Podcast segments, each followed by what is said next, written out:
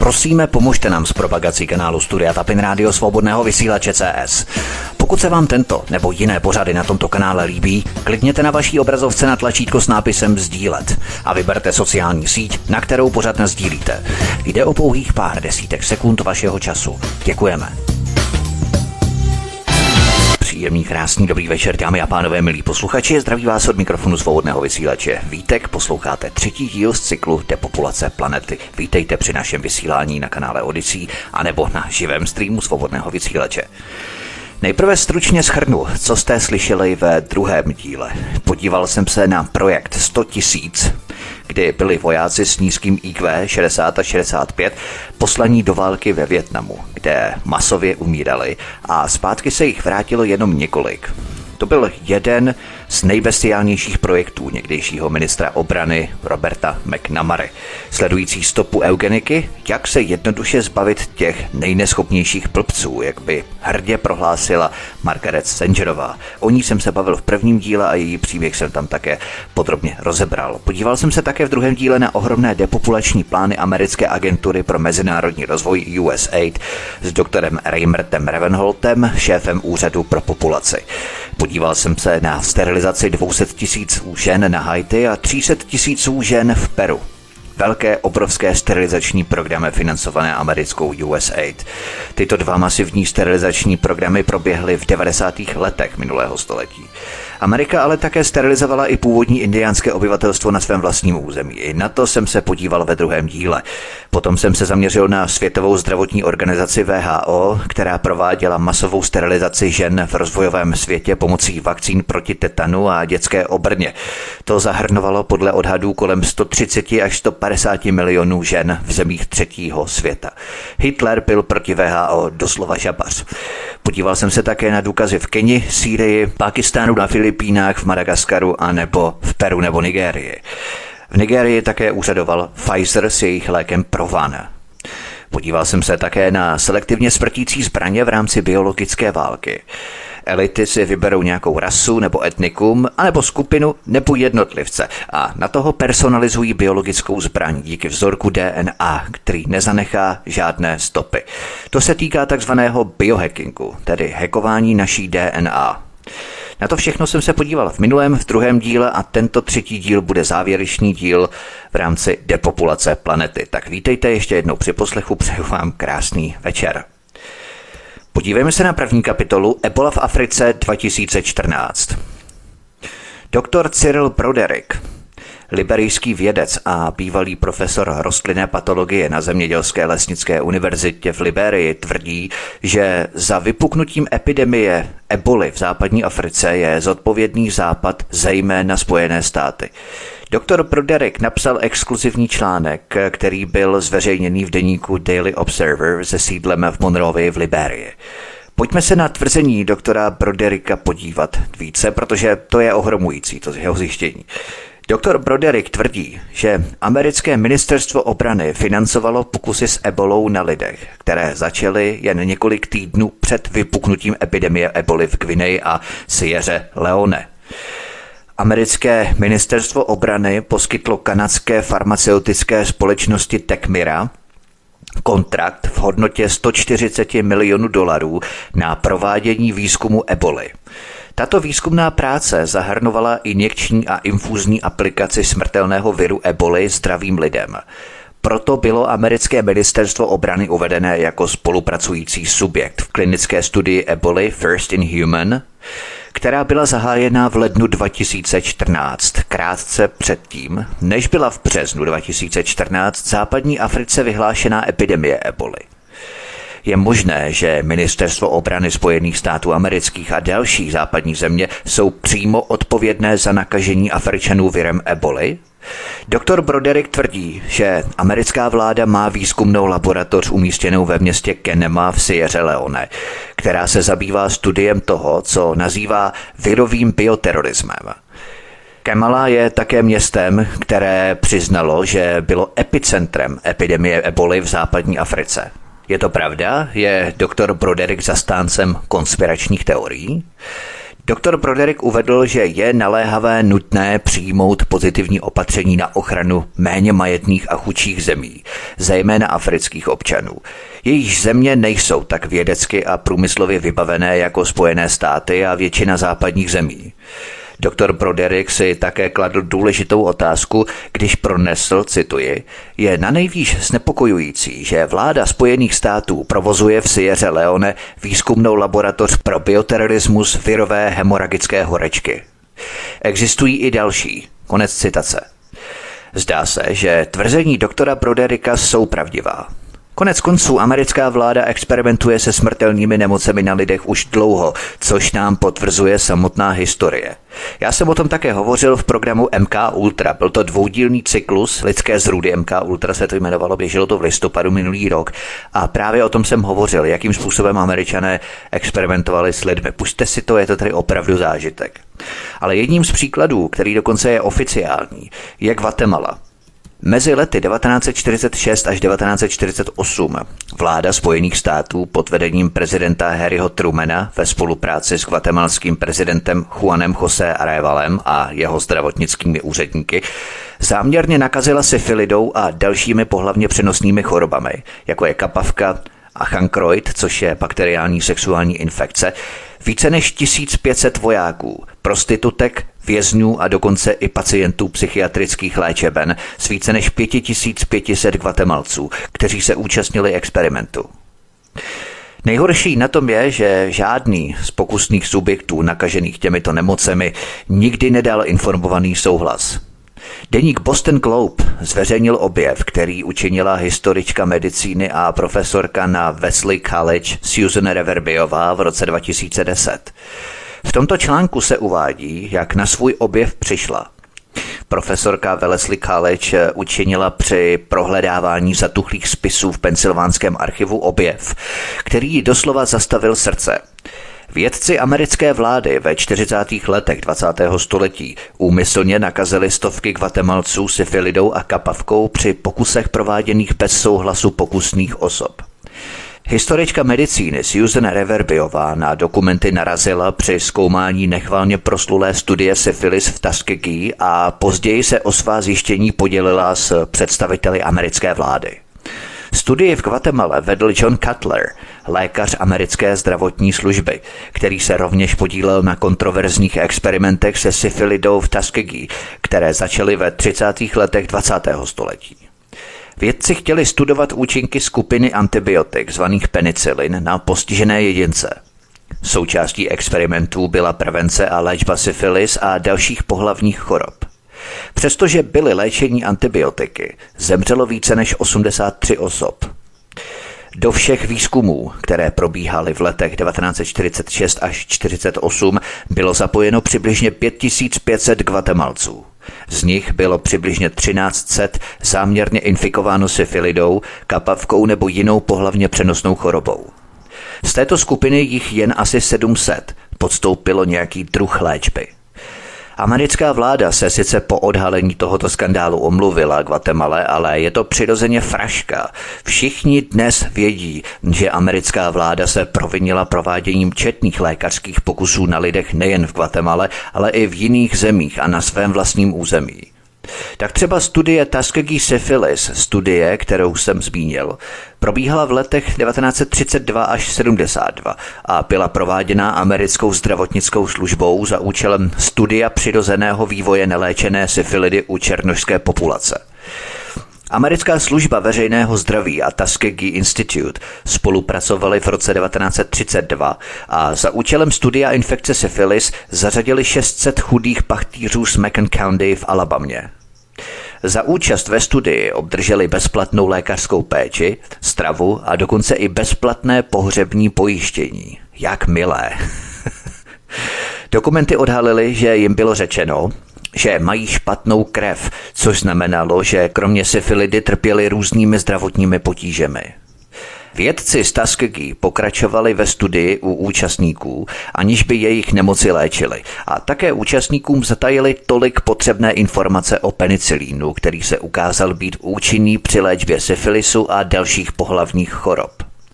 Účastníci těch testů měli dojem, že se jim dostává bezplatné zdravotní péče od americké vlády, zatímco jim stejní úředníci, kteří testy prováděli, záměrně lhali. Washington se je plně vědom svých pokusů se smrtelnými nemocemi na lidech. Ale vraťme se zpět do roku 2014 do Afriky.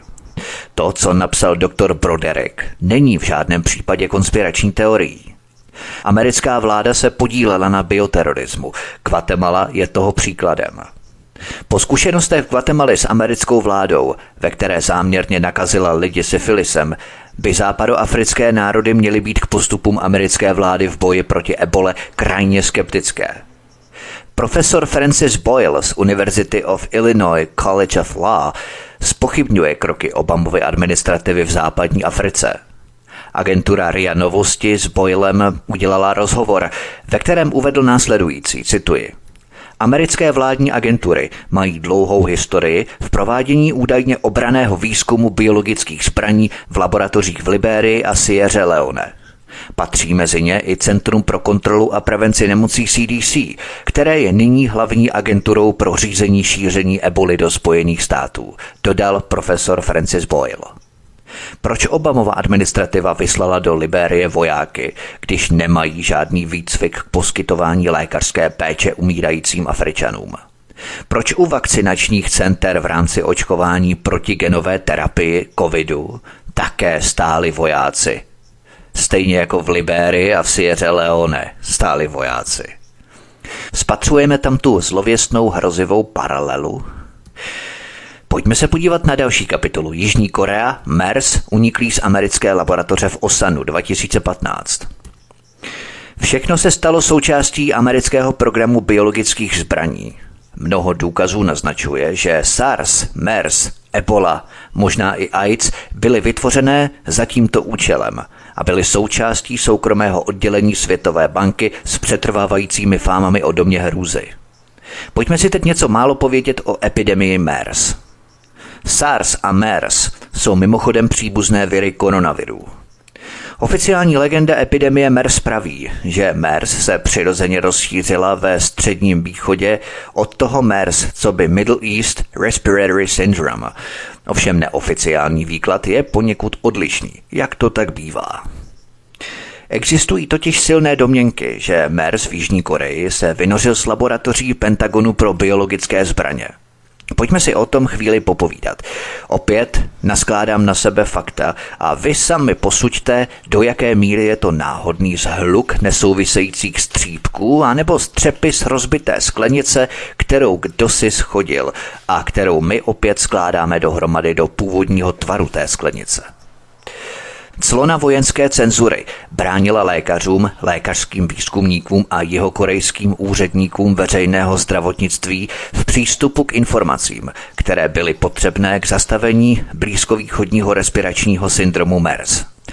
První nákaza MERS v zemi byla připsaná 68-letému korejskému podnikateli, který se vrátil do své rodné provincie Gyeonggi zhruba 40 kilometrů jižně od hlavního města Soulu po náštěvě neznámého místa na středním východě. Tento první pacient zůstal zahalený v anonymitě a mimo dosah veřejnosti. V celosvětové mediální hysterii před několika lety kolem SARSu byla ignorovaná stopa důkazů, které spojují pandemii MERS s výzkumem virů v rámci programu biologické války Pentagonu. Následující fakta naznačují, že jeho korejská pandemie, která začala koncem května 2015, mohla být způsobená laboratorní nehodou v projektu biologických zbraní Jupiter na letecké základně Spojených států v Osanu, přibližně 40 kilometrů jižně od Soulu. Nákazu MERS na arabském poloostrově, která začala v roce 2012, způsobili netopíři a nikoli velbloudi, jak se vše obecně uvádí.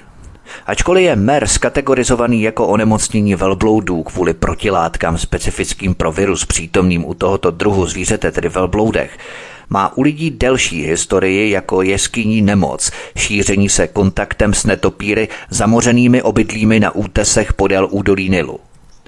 Virus přenášený netopíry se rozšířil na lidskou populaci v důsledku použití bomb GBU-28 Bunker Buster amerického letectva z hroty s ochuzeným uranem k ničení tunelových systémů a jeskyní během druhé invaze do Iráku vedené Američany. Nakažení egyptští netopíři hrobníci tak byli nuceni najít útočiště ve městech přeplněnými lidmi – Vystavení netopírů záření těmito bombami s ochuzeným uranem GBU-28 Bunkerbuster amerického letectva mohlo zvýšit virulenci viru.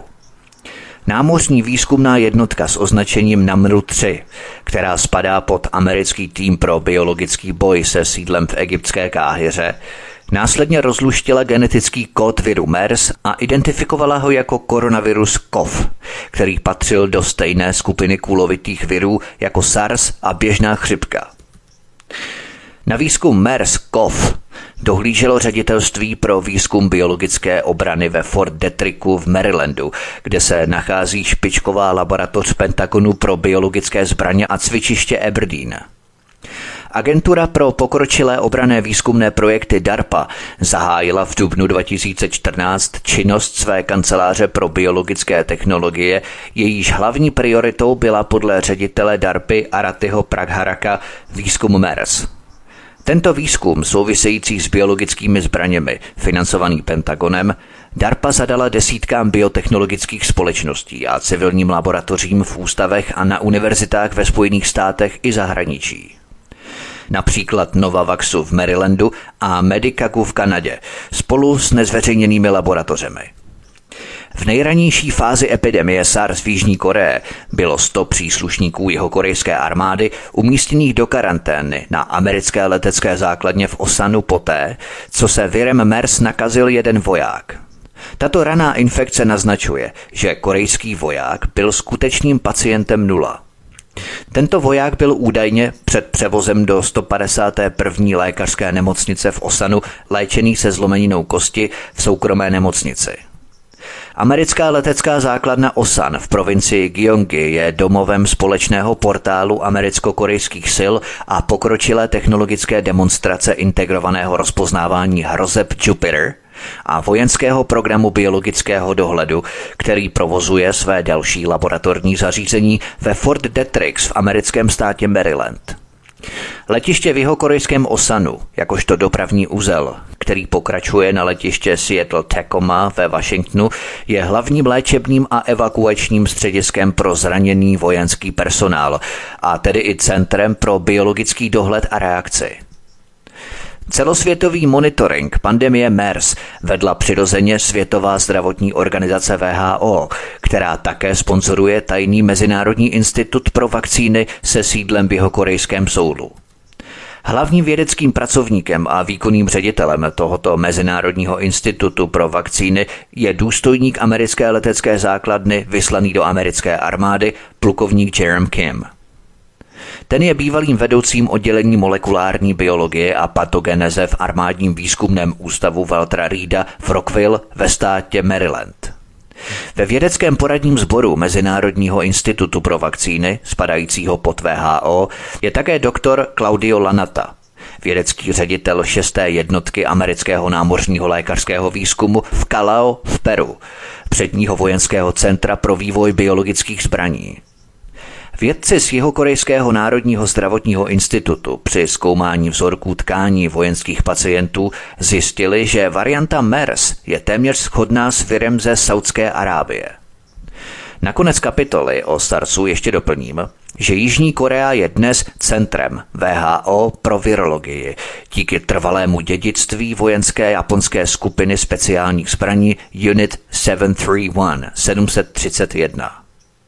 Japonská armáda, která ve výzkumu viru předběhla Spojené státy a Velkou Británii o desítky let, izolovala koncem 30. let 20. století v okupovaném Manžusku vysoce nakažlivý hantavirus. A to ještě před vynálezem elektronového mikroskopu. Tento inovativní virový program byl udržovaný v přísném utajení tím, že byl maskovaný pod dlouhodobě zavedené bakteriologické studie dýmnějového moru. Virová zbraň byla nasazená proti čínským městům, což mělo za následek smrt nesčetných mas civilních obyvatel a nejméně dvou tisíců japonských vojáků v důsledku nákazy, která se šířila mnohem rychleji než Dýmnějový mor samotný. Na konci druhé světové války byli virologové z této jednotky 731 srdečně pozvaní, aby pokračovali ve svém smrtícím výzkumu v laboratoři biologických zbraní americké armády v Ducky Proving Ground.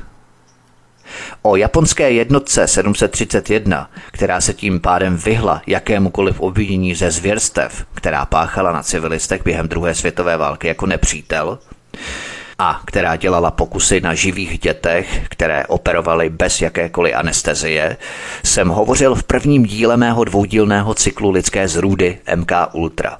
Pokud máte dost silný žaludek na to si to poslechnout, určitě doporučuji pro rozšíření obzoru, ale připravte si opravdu pitlíky na zvracení. Nicméně, co mě z toho všechno plyne, a podotýkám, že jde pouze o mou spekulaci teď, že postupné epidemie genově modifikovaného SARS, ptačí chřipky, eboli a MERS měly primárně účinky ekonomické sabotáže a teroru na národních populacích v rámci koordinovaných pokusů dostat systémy veřejného zdraví pod kontrolu západu. To je samozřejmě ještě podotýkám pouze má spekulace. Posloucháte třetí epizodu z cyklu Depopulace planety od mikrofonu svobodného vysílače nebo na kanále Odyssey vás zdraví vítek. Zahrajeme si písničku a potom budeme pokračovat dál. Příjemný pohodový poslech. Písnička nám dohrává je za námi od mikrofonu svobodného vysílače nebo na kanále Odyssey vás zdraví vítek. Já vás vítám při poslechu třetí epizody z trojdílného cyklu Depopulace planety. Pojďme se podívat na další kapitolu. Příběh viru Zika, geneticky modifikovaní komáří, terminátoři společnosti Oxitec 2015. Všechno tohle vedlo také k viru Zika s geneticky modifikovanými komáry terminátory společnosti Oxitec. Pojďme si teď povědět příběh viru Zika. Virus Zika je pojmenovaný po lese Zika v Ugandě, kde byl poprvé objevený. Je to typ flaviviru, který je blízce příbuzným virům způsobujícím závažnější onemocnění, jako je horečka dengue a žlutá zimnice. Virus Zika obvykle vyvolává příznaky, jako je horečka nebo zánět spojivek, někdy i bolesti kloubů, ale obvykle jsou tak mírné, že příznaky trvají jenom několik dní a většina lidí ani neví, že ho má. Zika není nakažlivá, ale přenáší jí komáře, což znamená, že abyste se jí nakazili, musí vás kousnout infikovaný komár. Afričané si proti viru vytvořili protilátky a jsou většinou imunní, ale obyvatelé západu takovou imunitu nemají a pro ně neexistuje žádná vakcína ani lék proti viru Zika, ačkoliv žádný není obecně nutný. Virus byl poprvé izolovaný z opice Hemsus v Ugandě v roce 1947 a o několik let později byl objevený u několika lidí v Ugandě a Tanzánii v roce 1968 u lidí v Nigérii. Nikdy nic nenasvědčovalo tomu, že by virus dobře cestoval a po 40 letech zůstával obskurním a nenápadným onemocněním s pouhou hrstkou hlášených případů, dokud se v roce 2007 náhle neobjevil na ostrově v Jižním Pacifiku v Mikronézii, což bylo poprvé, kdy byl spatřený mimo svou původní domovinu, kde ale zřejmě nic významného nespůsobil. Asi o šest nebo sedm let později se ve francouzské Polynézii, také v Jižním Pacifiku, objevila epidemie, která postihla asi 10% populace, ale tentokrát navíc zřejmě způsobila Guillainov-Berryho syndrom, vzácné autoimunitní onemocnění, při němž imunitní systém napadá sám sebe nebo alespoň nervy v těle a může být paralyzujícím nebo dokonce smrtelná. Pak se po zhruba sedmileté přestávce virus Zika náhle objevila v Brazílii a prakticky současně se rozšířila do více než 20 dalších zemí. Při této příležitosti byla teď Zika spojovaná s vážnou vrozenou vadou zvaná mikrocefalie a pravděpodobně i s dalšími vrozenými vadami a neurologickými poruchami. To jsou základní fakta. O souvislostech mezi přípravkem Zika a mikrocefalií se vedly značné spory – Přitom oficiální verze byla taková, že se předpokládalo, že příčinou byla Zika. ale vždycky s výhradami naznačujícími, že souvislosti mohly být spíše náhodné než příčinné. Jedna skupina lékařů v Brazílii napsala článek, ve kterém naznačila, že mikrocefalie byla buď způsobená nebo souvisí s rozptýlením chemické látky pyroxyfen – Pyroxyfen je ale insekticid doporučený VHO, který byl ve velkém množství rozprašovaný v nádržích s pitnou vodou v oblastech s nejvyšším výskytem tohoto onemocnění, což byla teorie, která se zdála mít při nejmenším solidní nepřímý základ. Lékaři tvrdili, že pyriproxyfen je hormonální disruptor, tedy narušitel, a zpomalovač růstu, inhibitor – který mění vývojový proces komárů a vytváří poruchy a způsobuje jejich smrt nebo neschopnost reprodukce. Napsali, cituji, Malformace zjištěné u tisíců dětí, těhotných žen, žijících v oblastech, kde brazilský stát přidával pyriproxifen do pitné vody, nejsou náhodou. I když ministerstvo zdravotnictví vylučuje hypotézu přímého akumulativního chemického poškození. Konec citace. Německý epidemiolog dr. Christoph Zink studoval a mapoval časové a geografické rozložení viru Zika i mikrocefalie a napsal, cituji, Brzy jsem nabil dojmu, že obvinovat z této epidemie virus Zika není úplně k věci. Vyslovil podezření, že po léta docházelo k podhodnocování případu. Podle zprávy CBC měl ale také podezření na chemické vysvětlení silné koncentrace v severovýchodní Brazílii, když uvedl, cituji, Chtěl bych požádat své kolegy toxikology v Brazílii, aby se prosím velmi pozorně zabývali praktickou aplikací agrochemikálií. Jiní tuto hypotézu odmítli na základě nekonzistentní časové linie a některých rozporuplných údajů. Ať tak či onak, Souvislosti mezi přípravkem Zika a vrozenými vadami se jevily při nejmenším jako náhodné, bez důkazů o přímé příčinné souvislosti. Tato zjevně koordinovaná kampaň s rozsáhlou mezinárodní mediální podporou sebou nesla silný pach záměru odklonit hlavní téma do žádoucího kanálu a tím odradit od aktivního vyšetřování nebo diskuze o tématech mimo oficiální schválený seznam. Důkazem toho se zdála být neopodstatněná horlivost, s jakou úředníci a mnohé složky médií doslova rozmetali každého, kdo naznačil jinou linii příběhu, než byla oficiální verze. Jak stále více lidí zjišťuje jasným varováním, že se vytváří jediný žádoucí oficiální příběh je, když jsou ti, kteří předkládají opačná fakta a teorie, nejen okamžitě a široce odsouzení jako zaujetí ideologové, ale zesměšnění jako zastánci konspiračních teorií. Zika do této šablony velmi dobře zapadá. Podívejme se na další kapitolu. Virus Zika si cestuje po světě. Věnujme tedy několik minut zkoumání podivného původu této epidemie. Jak jsem už uvedl, Zika nikdy nebyla předurčená k cestování. Uvážíme-li, že v Ugandě seděla od roku 1947 a nikam se nehnala. Jistě měla více příležitostí přisát se na člověka nebo komára a přistát na jiném kontinentu, ale ne, Zůstala doma a téměř 60 let nebyla veřejným nebezpečím, nikdy nebyla spojovaná s porodními a jinými tělesnými vadami a nepřitahovala žádnou pozornost. Pokud tedy tento virus Zika mohl zůstat doma, mohl zůstat víceméně lokalizovaný po 60 let, proč by najednou začal cestovat po světě? A pokud se virus doma v Africe za o něch 60 let nikdy explozivně nešířil, jak se mohl náhle stát tak aktivním a virulentním, že během pouhých několika měsíců nakazil téměř celou Jižní a Střední Ameriku? Podívejme se na tu jeho cestu po světě.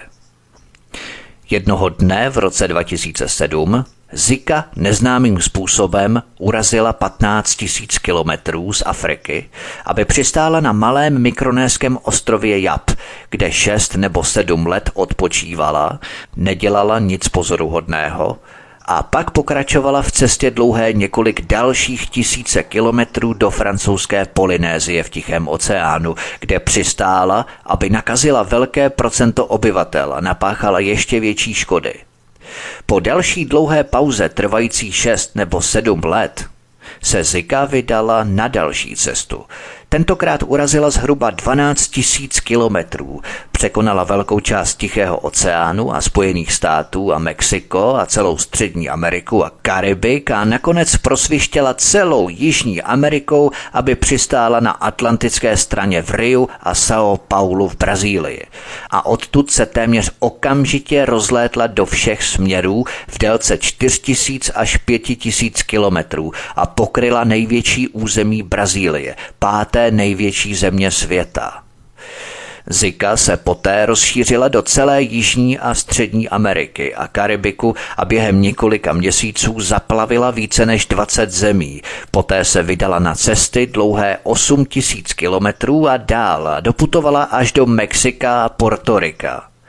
Poté se rychle vydala na severovýchod na další cestu dlouhou 8 tisíc kilometrů, aby přistála ve Španělsku, kde se podle předpovědí stala kalamitou. Teď se chvilku zamysleme nad touto ohromující velkolepou a impozantní cestou Ziky. Viry nemohou létat, necestují letadlem. Cestují komáry. Ale komáři také necestují. Celý svůj krátký život prožijí možná v okruhu jednoho kilometru od místa, kde se vylíhli. Je pravda, že komáři jsou někdy roznášení převládajícími větry a mohou potenciálně skončit téměř kdykoliv. Ale tento větrem roznášený hmyz se počítá spíše na desítky nebo stovky kusů než na stovky milionů, které jsou nutné k nakažení milionů lidí v tak obrovské zemi, jako je Brazílie která spravodajská média zveřejnila záměrně zavádějící a neodpustitelně neinformované zprávy, ve kterých se hovořilo o migraci komárů, ale komáři ve skutečnosti nemigrují. A to v žádném smyslu tohoto slova. Migrují ptáci, migrují karibu, migrují kobylky a lumíci, motýly monarchové migrují, kachny, husy a kolibříci migrují. Komáři nemigrují, nemohou. Jak napsal třeba jeden entomolog, komáři žijí celý život v okruhu jednoho až dvou kilometrů od místa svého rozmnožování. Přitom existuje jen málo důkazů o tom, že by podnikali cílené lety ve velké vzdálenosti, které by se daly zoologicky klasifikovat jako migrace. Je lepší považovat všechny komáří lety za rozptyl, ne migraci. Jinými slovy, Nemůžeme mít desítky milionů komárů, ať už nakažených nebo ne, kteří si naplní svá malá zavazadla miniviry a letí 15 tisíc kilometrů, aby se usadili v jiné zemi – Dozvídáme se, že komáři se někdy rozmnožují v kalužích vody, ve starých automobilových pneumatikách a dalších podivných místech a mohou se tímto způsobem přepravovat po celém světě. Ale opět platí, že počty hmyzu cestujícího tímto způsobem by byly pro naše účely mimořádně nízké, protože žádná země, a už vůbec ne Brazílie, dováží dostatečné množství starých pneumatik, aby nám přivezla stovky milionů hmyzu které potřebujeme k vytvoření epidemie. A dokonce ani z Ugandy nepřiváží tolik pneumatik, anebo že by třeba z francouzské Polynézie Brazílie přivážela pneumatiky, staré pneumatiky. A proč staré? Přiváží nové pneumatiky přece. Ano, komáři se množí, ale rozrůst se během pouhých týdnů z několika nakažených párů v jedné lokalitě na několik set milionů rozptýlených na milionech kilometrech čtverečních je i pro komáry nad jejich síly. Podívejme se na další kapitolu. Nakažený náštěvník mistrovství světa ve fotbale. A právě na tomto místě začala VHO a západní média vytvářet svůj příběh. Oficiální verze zněla, že komáři nikdy necestovali. Místo toho si virus sám našel prostředek pro dálkový transport a předpokládalo se, že jej do Brazílie přinesl nakažný náštěvník mistrovství světa ve fotbale. Podle VHO a korporátních médií, tedy osamělý cestovatel, nakazil v Riu miliony lidí a během několika měsíců se nemoc rozšířila do Kolumbie, Paraguay, Venezuely, Panamy, Hondurasu Gvajany, Martiniku, Portorika a které se navenek jeví věrohodně, ale představuje logický nesmysl. Jak za chvilku uslyšíte, Zika byla v Brazílii dávno před mistrovstvím světa. Nezapomeňte, že Zika není nakažlivá nemoc, která by se šířila kašláním nebo kýcháním nebo krchmáním, ani dokonce delším společenským kontaktem. Jedná se o virovou infekci přenášenou komáry a aby se jí člověk nakazil, musí být poštípaný. Cestování nakažených lidí z Polynézie do Brazílie nemá samo o sobě žádný význam, protože jediným způsobem přenosu jejich nemoci je kousnutí komáry, kteří se mohou následně nakazit a pak šířit infekci kousnutí dalších lidí. Zamysleme se na chvíli nad údajně nakaženým a jistě fiktivním náštěvníkem mistrovství světa a uvažujme o překvapivě rychlém šíření infekce – Oficiální verze zněla, že virus Zika se do Brazílie dostal z francouzské Polynézie, ale kolik lidí, ať už nakažených nebo ne, by asi cestovalo z nepatrné populace francouzské Polynézie do Brazílie jen proto, aby se podívali na fotbalový zápas. Dva nebo deset? Jak by tedy mohli čistí nenakažení brazilští komáři najít těch několik nakažených lidí z Polynézie, kousnout je a zase se nakazit a pak během několika měsíců rozšířit infekci na nejméně desítky milionů hmyzu, aby kousl a nakazil mnoho milionů lidí v celé Latinské Americe. Obrovský rozsah nákazy spolu s jejím prakticky okamžitým šířením vylučuje jakoukoliv možnost, že by původcem této infekce byl zahraniční cestovatel. Jeden komár, který kousne jednoho člověka, neznamená epidemii. Pokud chceme, aby došlo k explozivnímu šíření viru, přenášeného komáry, jako je virus Zika, který nakazil miliony lidí během velmi krátké doby, Potřebujeme nejméně desítky milionů komárů, ale rozumnější je, aby jich bylo dokonce stovky milionů. To platí zejména v případě, kdy se zdá, že komáři jsou odhodlaní infikovat obrovské pevninské oblasti Jižní a Střední Ameriky a přitom projít rozsáhlými neobydlenými oblastmi. Ne každý komár je nakažený, ne každý nakažený komár si najde někoho, koho kousne a ne každý bude kousnutý a ne každý kousnutý bude nakažený. Život komára je skutečně velmi krátký, asi 10 dní. Při pouhé hrstce nakažených lidí je tak rozsáhlá epidemie tímto způsobem přenosu nemožná. Počet cestovatelů je statisticky zanedbatelný, takže i kdyby byli všichni mnohokrát pokousaní různým hmyzem, nemohl by souhrn tohoto hmyzu během několika měsíců zase pokousat a nakazit miliony lidí ve 20 zemích, zejména v zemích vzdálených mnoho tisíc kilometrů, vzhledem k tomu, že komáři necestují, jak jsme si řekli.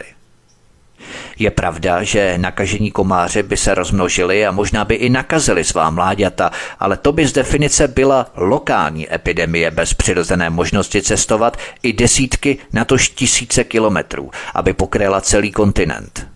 Jeden nakažený komár nemůže během několika měsíců vyvést miliony potomků a pokrýt miliony kilometrů čtverečních. Pokud jeden člověk odcestoval do Ria nebo São Paula na fotbalový zápas, jak to vysvětluje, že nemoc propukla v tuctu dalších brazilských měst přibližně ve stejnou dobu? Jak to vysvětluje, že se nemoc velmi krátce poté rozšířila do Kolumbie a tuctu dalších okolních zemí a 8 tisíc kilometrů dál do Mexika, Portorika a tak dále? I kdyby se nakažení cestovatelé z Brazílie vydali do Mexika, kolik z nich by tam bylo poštípaných čistými komáry a mohlo by virus přenést? Statisticky nula nebo přibližně nula. Miliony komárů nemohou kousnout stejných deset cestovatelů, nakazit se a pak kousnout miliony dalších lidí a způsobit epidemii. Nemusíme být statistici, abychom věděli, že to prostě není možné. Pokud se nakazili miliony lidí, muselo se v oblasti vyskytovat při nejmenším mnoho milionů nakažených komárů. Nejdůležitější otázka v celé této fázi tedy zní, jak se nakazily při nejmenším desítky a spíše stovky milionů kusů hmyzu. Virus v Brazílii neexistoval. Domorodí komáři nebyli infikovaní zikou a mohli se nakazit pouze tak, že buď kousli nespočetné tisíce infikovaných lidí, Nebo byly potomky milionů páření s infikovaným hmyzem, ale odkud by se vzali? Několik nakažených cestovatelů nemůže vysvětlit tak masivní geografický výskyt během několika týdnů, což znamená, že do těchto míst muselo být zavlečeno obrovské množství nakažených komárů. Jiné vysvětlení prostě není možné. V oficiálním prohlášení VHO se uvádí, že se Zika zřejmě šíří tak rychle ze dvou důvodů. Za prvé proto, že se jednalo o nové onemocnění v regionu, takže obyvatelstvo nemá imunitu. Za druhé proto, že Zika přenáší především druh komára známý jako Aedes aegypti, který žije ve všech zemích Severní a Jižní Ameriky, kromě Kanady a Chile. Tato tvrzení byla záměrně dezinformační. Část o nedostatečné imunitě byla sice pravdivá, ale tato nedostatečná imunita neexistuje pouze proto, že, jak sama VHO zdůraznila, Zika byla pro tuto oblast pouhou nemocí, což znamená, že předtím v Brazílii ani v Jižní a Střední Americe neexistovala. Druhá část výroku byla ještě nepoctivější. VHO nám řekla, že se nemoc tak rychle rozšířila, protože jí přenášel druh komára, který se vyskytoval v dané lokalitě, ale důvodem, proč byla nemoc v regionu nová, je především to, že domácí komáři nikdy nebyli infikovaní a proto nemohli být zodpovědní za šíření viru. Takže pořád mějme na zřeteli tu základní otázku, jak se desítky nebo stovky milionů místní odrůdy čistých komárů náhle nakazily cizím virem a během několika měsíců způsobili epidemii pokrývající téměř 20 milionů kilometrů čtverečních. Jediný fyzikální způsob, jak dosáhnout explozivního šíření nemoci přenášeného hmyzem, je mít stovky milionů infikovaného hmyzu. A protože v Latinské Americe skutečně došlo přesně k takovému explozivnímu šíření, zásadní otázkou je zdroj tohoto infikovaného hmyzu. Posloucháte třetí epizodu z cyklu Depopulace planety. Od mikrofonu svobodného vysílače nebo na kanále Odyssey vás zdraví Vítek. Zahrajeme si písničku a potom budeme pokračovat dál. Příjemný pohodový poslech. Písnička nám dohrává je za námi od mikrofonu svobodného vysílače a nebo na kanále Odyssey vás zdraví Vítek. Já vás vítám při poslechu třetí epizody z trojdílného cyklu Depopulace planety. Podívejme se na další kapitolu. Geneticky modifikovaní komáři terminátoři společnosti Oxitec. V příběhu viru Zika je ještě jeden fakt, který byl v médiích silně potlačený. Týká se společnosti Oxitec, která se označuje za britskou biotechnologickou společnost, která je průkopníkem ekologicky šetrného, to je geneticky modifikovaného, způsobu kontroly hmyzích škůdců, kteří šíří nemoci a poškozují úrodu. Oxitec prováděl v Brazílii a na mnohých dalších místech pokusy s geneticky modifikovanými transgenními komáry. Tyto pokusy se podle časopisu Science v minulosti neobešly bez kontroverzí. Ani nás snad už nepřekvapí, že jedním ze spolupracovníků Oxiteku je nadace Billa a Melindy Gatesových. Stejně jako nás už ani vůbec nepřekvapí, že mezi další spolupracovníky Oxiteku patří VHO, CIA, Pentagon, Rockefellerova nadace, Ford Detrix a další prominenti světa geneticky modifikovaných patogenů. Zejména jeden článek, který se zdá být důvěryhodný, tvrdil, že vlastníci akcí společnosti Oxitec mají silné vazby na CIA. Dalšími sponzory Oxitecu jsou VHO, která poskytuje granty na výzkum a zřejmě hongkongský investiční fond Asia Pacific Capital, který je kontrolovaný americkou společností GE Capital. Společnost Oxitec prováděla pokusy s potlačováním komárů. Byly to pokusy, které zahrnovaly vypuštění nesčetných milionů geneticky upravených komárů Aedes aegypti, mimochodem stejný druh, který šířil virus Zika v Brazílii, kteří byli biologicky upravení pro samčí instabilitu. Oliver Tickel napsal 1. února 2016 zajímavý článek publikovaný v časopise The Ecologist s názvem Pandořina skřínka, jak mohli geneticky modifikovaní komáři způsobit brazilskou katastrofu s mikrocefalií. V tomto článku napsal, cituji, Myšlenka komárů oxitek je docela jednoduchá. Samci produkují neživotaschopné potomstvo, které celé umírá. Geneticky modifikovaní komáři jsou tedy samospasitelní a pozměněné geny nemohou ve volně žijící populaci přežít. Teorie spočívá v tom, že tito geneticky modifikovaní terminátoři komárů se budou křížit s původními samicemi a produkovat neživotaschopné larvy, čímž dojde k vyhubení celé komáří populace – Bohužel pravdou, a to i podle informací společnosti Oxitec, je, že velké procento jejich komárů nakonec sterilní není a že mnozí přežívají a prospívají a že zřejmě velké procento původních samic hmyzu se odmítá rozmnožovat s těmito nesemenými geneticky modifikovanými terminátory, čímž se část pokusu stává zbytečnou. Podle Tikelova výzkumu došlo k rozptylu hmyzu v období od května 2011 do začátku roku 2012 a jen v některých lokalitách se jednalo o miliony kusů měsíčně. Neznám celkový počet lokalit, ve kterých byli komáři rozptýlení, ani celkový počet rozptýleného hmyzu, ale aby se nemoc rozšířila tak, jak se rozšířila, Rozptyl byl jistě provedený na mnohých místech a pravděpodobně se v každém případě týkal desítek milionů hmyzu a při několika letech rozmnožování nám dává potřebné stovky milionů hmyzu.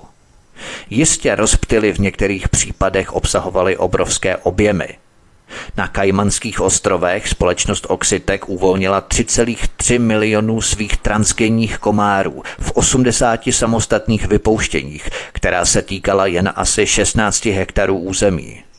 A to tež o něco později v Malajzii. Při stech hektarech na kilometr čtvereční, kolik komárů by bylo vypuštěno na 20 milionech kilometrech čtverečních? V tuto chvíli se snad můžeme domnívat, že to byl mikrobiolog ze společnosti Oxitec, kdo cestoval do Brazílie, ale ne na mistrovství světa ve fotbale. Tento předpoklad vysvětluje mnoho věcí. Brzy poté světová média aktivně propagovala teorii, že zmutovaní geneticky modifikovaní komáři společnosti Oxitec byli místo toho použití k boji proti viru Zika. Tikel se zabýval možnými přežitími geneticky modifikovaného hmyzu a tím, jak by mohl šířit infekci Zika, ale ignoroval mnohem důležitější otázku, jak se vůbec nakazil. Pokusme se o přímou analogii. Vsteklinu nedostanete po kousnutí psem. Vsteklinu dostanete, když vás kousne vsteklý pes. Pokud pes vsteklinu nemá, utrpíte pouze psí kousnutí. Nic jiného – a rozptýlením tisíců psů bez vstekliny do čistého prostředí získáte pouze tisíce psů bez vstekliny dosud v čistém prostředí. Můžete být pokousaní mnohem častěji, ale vsteklinu stále nedostanete – podle této analogie nemá rozsáhlé rozptýlení geneticky modifikovaných komárů Aedes aegypti žádný význam, pokud tito komáři už nejsou nakažení virem Zika. Pokud virus nepřenášejí, jejich kousnutí obětem přece nic neudělá. Důležitým bodem, kterému se korporátní média tak úzkostlivě vyhýbala, je, že vzhledem k tomu, že Zika nebyl endemický pro Brazílii a vlastně ani pro Jižní a Střední Ameriku, musel by být odněkud zavlečen, a to v masovém měřítku.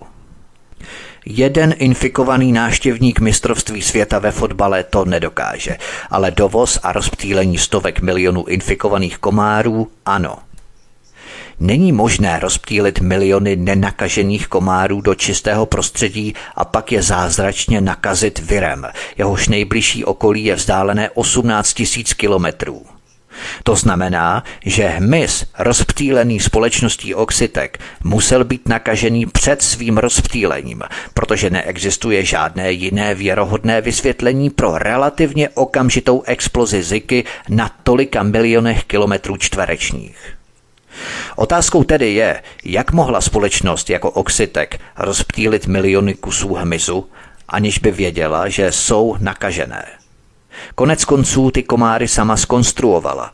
Jistě si byla vědomá nebezpečí a jistě měla možnost provést testování. Jediný možný závěr, který vidím, je, že to věděli. Pokud existuje nějaké alternativní vysvětlení, nedokážu si představit, jaké by to bylo. Připomíná mi to doktora Davida Hemena z VHO, který, když hovořil o totožné otázce původu a šíření viru HIV, prohlásil, cituji, Původ viru AIDS není důležitý, spekulace o tom, jak vznikl, nejsou důležité. Konec citace. V tomto případě se jedná o to, že se jedná o vir AIDS, který se objevil v roce 1952. VHO vynaložila obrovské úsilí, aby zastřela vyšetřování původu a vyšetřování tohoto viru. Zdá se, že totéž VHO dělala i v případě viru Zika. V rámci vědecké metody se snažíme vytvořit teorii, která by vysvětlovala jevy, kterých jsme svědky. Poté, pokud je to možné, testujeme naše předpoklady na hypotéze, abychom zjistili, zda korelují se známými fakty. V tomto případě máme neznámé a nezodpovězené otázky v situaci, kdy se oficiální vysvětlení nezdá být věrohodné a kdy v některých skutečnostech panují nejasnosti. Pokud ale vyslovíme teorii, že společnost Oxitek prováděla své terénní pokusy v těchto lokalitách s infikovanými komáry, rázem vysvětluje naše teorie téměř všechno, co o Zice víme. Tím ale příběh viru Zika tak docela nekončí. Pojďme na další kapitolu. Zika pokračuje zpět do budoucnosti. Mnoho virologů a mediálních zdrojů nás informuje, že virus Zika byl poprvé izolovaný z opice v africkém lese Zika v Ugandě v roce 1947, když vědci zkoumali žlutou zimnici. Ale zajímavější části příběhu Zika se odehrávaly spíše v laboratořích než v lesích. Virus izoloval v laboratoři mikrobiolog Jordan Castle, jehož celou kariéru kolem dvou let po ukončení studia financovala Rockefellerova nadace. Přitom většinou pracoval v laboratořích na univerzitě v Yale. Ale Jordy Castles byl specialistou na klíšťata a přenášené nemoci viry. Přesně takové, jaké produkovala americká armáda ve Fort Detricku a na Plum Islandu. Stejně jako byl Jordy Kessel odborníkem na viry způsobující encefalitidu a druh hemoragické horečky, kterou Spojené státy za války rozptýlily v Severní Koreji a později na Kubě. Po léta byl konzultantem VHO a výzkumného ústavu americké armády v Betsedě ve státě Maryland, kde souběžně vykonával práci, která zřejmě souvisela s výzkumem biologických zbraní. Média a učebnice dějné medicíny nám říkají, že Zika po svém objevení zůstala obskurní a nenápadnou nemocí, která nespůsobovala žádné potíže a nikoho zjevně nezajímala. Ale to není úplně pravda. Poté, co Jerdy Castle izoloval Ziku z opice, se u Rockefellerovy nadace číslo 766 o tento obskurní virus zjevně objevil tichý zájem. VHO i Americké centrum pro kontrolu nemocí CDC zřídili laboratoře pro výzkum viru v těsné blízkosti téhož lesa, kde byl virus Zika objevený. V roce 2008 se do mikrobiologických programů na stejném místě, tedy u lesa Zika v Ugandě, zapojila i nadace Welcome Trust, která je shodou okolností jedním ze zdrojů finančních prostředků společnosti Oxitec. Rockefellerova nadace založila v roce 1936 v uganském NTB svůj východoafrický institut pro výzkum virů.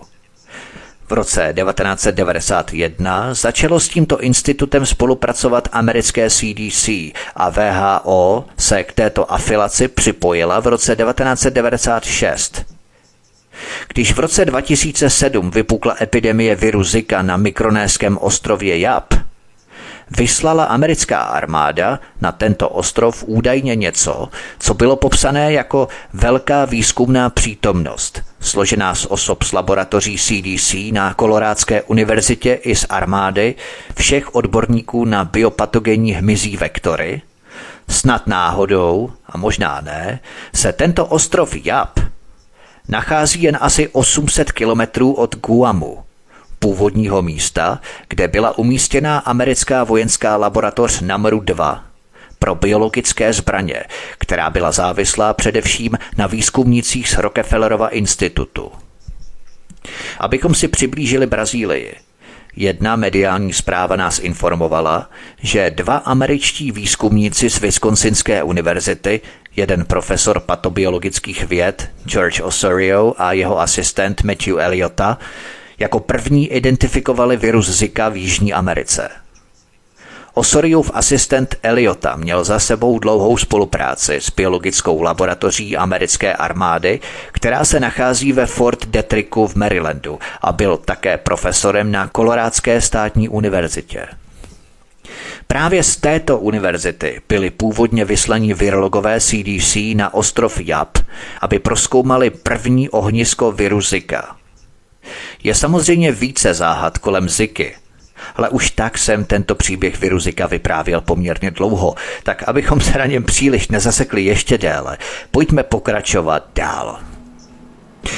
Posloucháte třetí epizodu z cyklu Depopulace planety od mikrofonu svobodného vysílače a nebo na kanále Odyssey vás zdraví Vítek. Zahrajeme si písničku a potom budeme pokračovat dál. Příjemný pohodový poslech. Písnička nám dohrává je za námi od mikrofonu svobodného vysílače a nebo na kanále Odyssey vás zdraví Vítek. Já vás vítám při poslechu třetí epizody z trojdílného cyklu Depopulace planety. Podívejme se na další kapitolu Antikoncepční kukuřice 2001. V roce 2001 vytvořili vědci z biolaboratoře Episide v San Diego geneticky modifikovanou antikoncepční kukuřici, poté, co objevili vzácnou třídu lidských protilátek, které napadají spermie. Jejich výzkumníci izolovali geny, které regulují výrobu těchto protilátek a vložili je do rostlin kukuřice, čímž vytvořili zahradnické továrny na výrobu antikoncepce. Dovedete si to představit. Rostliny zabraňující otěhotnění, mužská antikoncepce. A to je prosím pěkně oficiální zpráva z Guardianu z roku 2001. Nesmíme být jen líní a neúnavně kutat internetem. Všechno tam je, všechno tam najdeme. Internet je pokladnicí pro informace. Prezident společnosti Epicide Mitch Haim prohlásil, že, cituji, Máme skleník plný rostlin kukuřice, které vyrábějí protilátky proti spermím. Tato antikoncepční kukuřice vycházela z výzkumu vzácného onemocnění imunitní neplodnosti, při které žena vytváří protilátky, které napadají spermie. Tyto protilátky jsou v podstatě přitahované povrchovými receptory na spermích, řekl Heim a pokračoval. Přichytí se na ně a stěžknou každou spermí natolik, že se nemůže pohybovat vpřed. Prostě se třese, jako kdyby tančila lambádu. Konec citace. Obvykle biologové používají k pěstování lidských proteinů bakterie. Společnost Epicide se ale rozhodla použít kukuřici, protože rostliny mají buněčné struktury mnohem podobnější těm lidským, takže se s nimi dá snadněji manipulovat. Krátce po tiskové zprávě společnosti Epicide z roku 2001 veškeré diskuze o tomto průlomu zmizely. Společnost převzala firma Biolex a o vývoji spermicidní kukuřice už nebylo v žádných médiích slyšet. Společnosti Epicide, DuPont a Syngenta, sponzoři Svalbardského trezoru semen, sdíleli společný podnik na sdílení a využívání této technologie – Sira Bajerová z nevládní organizace ATC Group ve svém sloupku v mexickém deníku La Jornada varovala, že potenciál spermicidní kukuřice jako biologické zbraně je velmi vysoký a připomněla používání nucených sterilizací proti původním obyvatelům. Pojďme se podívat na další kapitolu. Bavlna jako sterilizační nástroj 2018. Tohle všechno je důvod, proč semenářské společnosti najednou prosazují používání semen bavlníku jako základní potraviny pro nerozvinuté země. Semena bavlníku jsou toxická a obsahují chemickou látku zvanou gosipol, která je účinným sterilizátorem samců. Ještě jednou. U většiny zvířat gosipol vyvolává neplodnost a u člověka způsobuje zástavu spermatogeneze při relativně nízkých dávkách. A teď si představte, že americké ministerstvo zemědělství schválilo v roce 2018 geneticky upravenou bavlnu s jedlými semeny. Bavlnu si většinou ale nepředstavujeme jako potravinu. Má to svůj důvod. Zemědělci pěstují bavlnu hlavně pro nadýchaná bílá vlákna, ze kterých se vyrábí trička nebo prostěradla a bavlník sice produkuje semena, ale ta jsou jedovatá. Alespoň pro člověka. Ovšem americké ministerstvo zemědělství schválilo nový druh bavlny, a to bavlnu, která byla geneticky upravená tak, aby její semena byla bezpečná k jídlu. V článku National Public Radio citovali třeba Grega Honta, který vede výzkum produkce a zpracování bavlny na výzkumné stanici Uzda v Luboku v Texasu. Cituji. Každé semeno je velké jako malý arašít. V zásadě by mohlo být vysoce výživné, obsahuje spoustu oleje a bílkovin. Konec citace. Jenomže, jak jsem zmínil, semena i listy bavlníku obsahují tento účinný sterilizátor samců zvaný gosipol, který způsobuje mužskou neplodnost i ve velmi nízkém množství. Semenářské společnosti se sice vymlouvají na to, že tento toxin gosipol odstranili na bezpečnou úroveň, ale pro tuto látku gosipol žádná bezpečná úroveň neexistuje. Dokonce i velmi malé dávky užívané opakovaně jako při použití pro základní potraviny, způsobují, že celá mužská populace bude sterilní.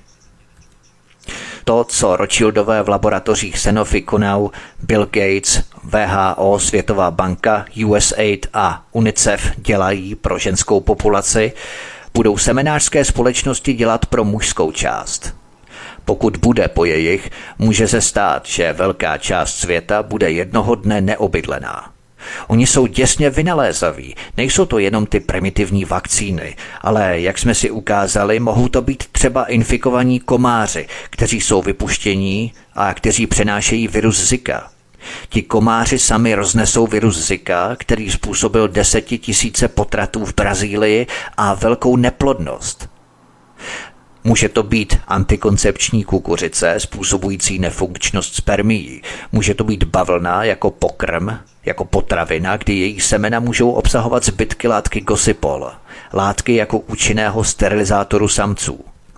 Stejně jako manipulativní techniky, stejně jako technologie družic, satelitů, stejně jako techniky ovládání davu, stejně jako cokoliv, se vyvíjejí i technologie, které globalisté cpou do jídla – toxiny v miniaturním množství, které nám na první pohled samozřejmě nic nespůsobí, ale při jejich opakované konzumaci dochází k neplodnostem nebo ke snižování plodnosti. A vymýšlejí desítky dalších rafinovaných metod, jak to provést. Oni jsou neskutečně vynalézaví. Pojďme se třeba podívat na další kapitolu. Americký eugenický rasismus forever 2008 až 2015.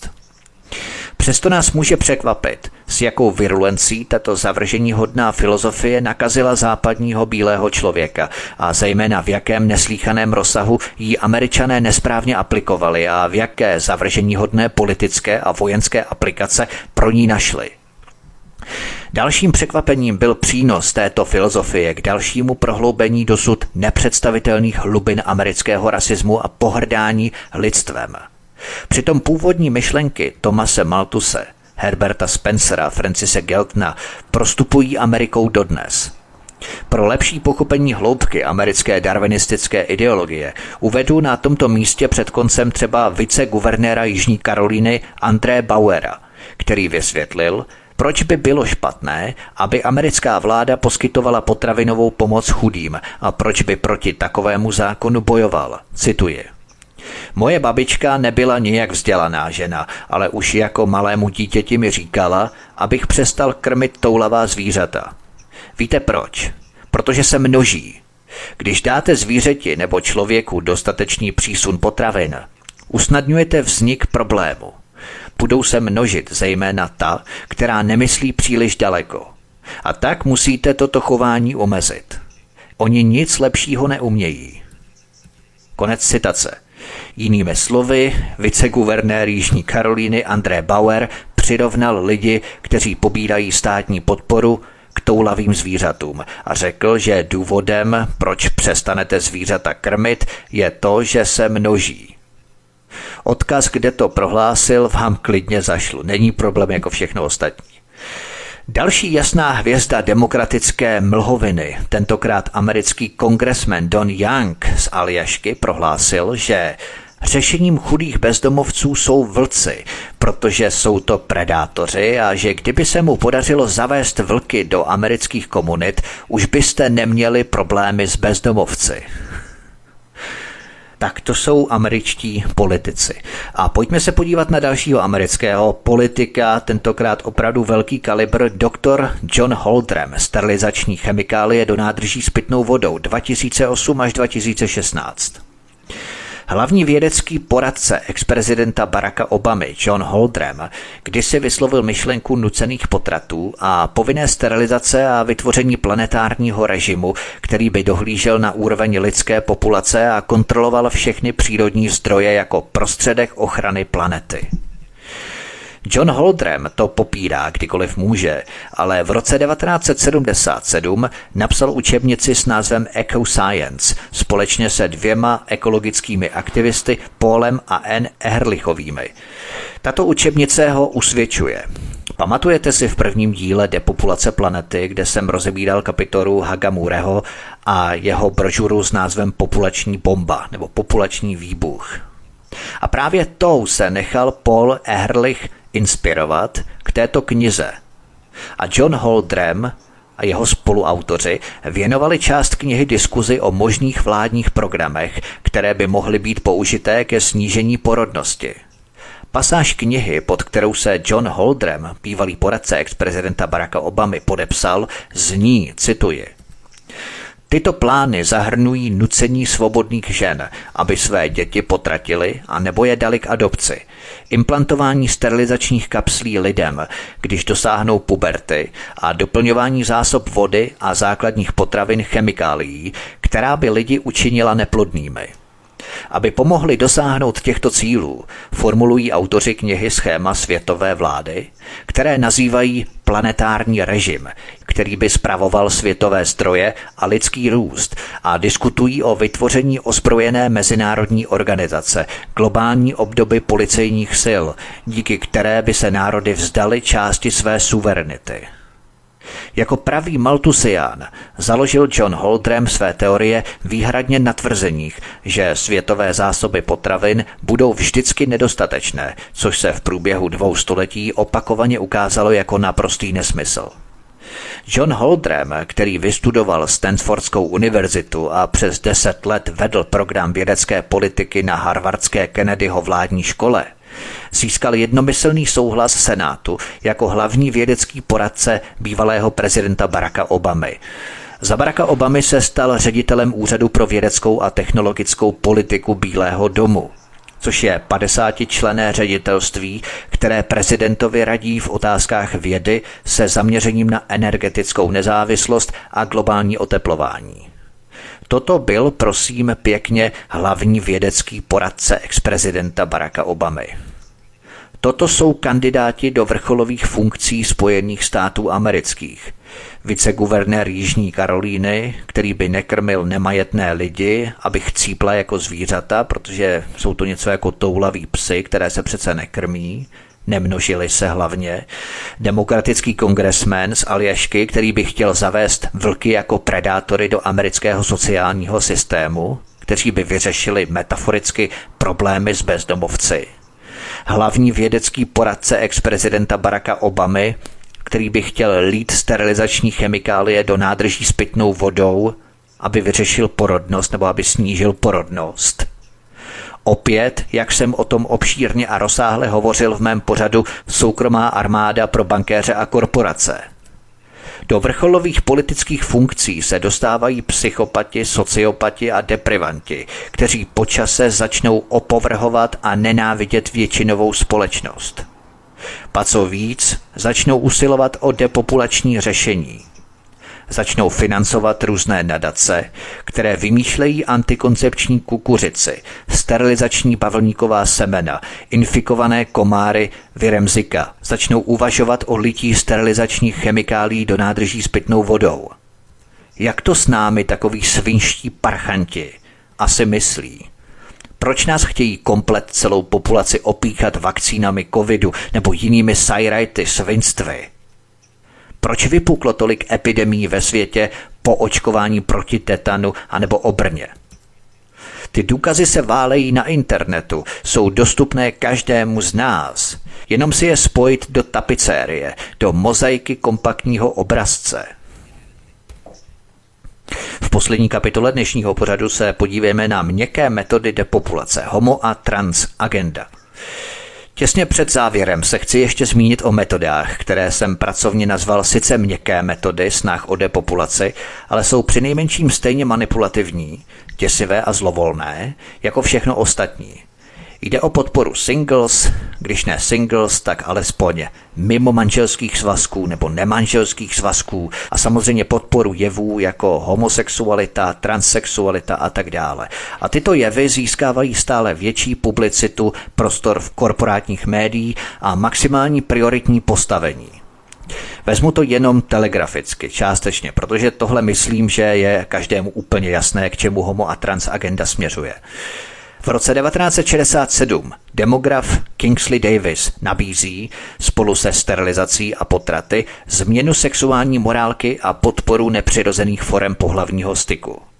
O dva roky později, tedy v roce 1969, jeho manželka, socioložka Judith Blake Davisová, navrhuje zrušit dávky při narození dítěte a odstranit veškeré sankce proti homosexualitě.